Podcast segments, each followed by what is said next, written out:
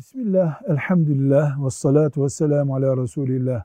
Lisede okuyan kardeşimiz merak etmiş. Diyor ki, madem insan ölüp kabre konduğunda azabı da Allah'ın nimetini de orada tatmaya başlıyor. Yani onunla ilgili karar veriliyor.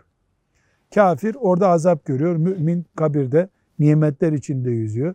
Neden bir daha mahşer yerinde hesap yapılacak?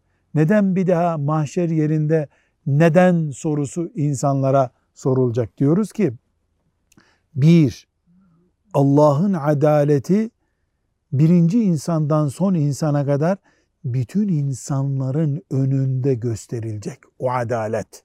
Herkes o adaleti görecek.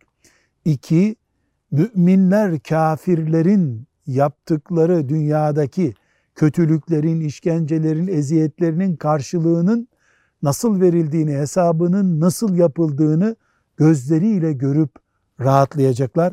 Üçüncüsü hayvanlar, insanlar ve bütün mahlukat arasında bir hesaplaşma yapılacak orada.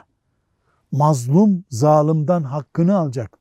Ve dördüncüsü de Allah'ın müjde ettiği, vaat ettiği şeyler, tehdit ettiği şeyler pratikte görülecek.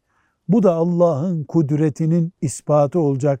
Mahşer yerindeki hesaplaşma ve insanların cennete ya da cehenneme sevk edileceği yer olma özelliği budur. Velhamdülillahi Rabbil Alemin.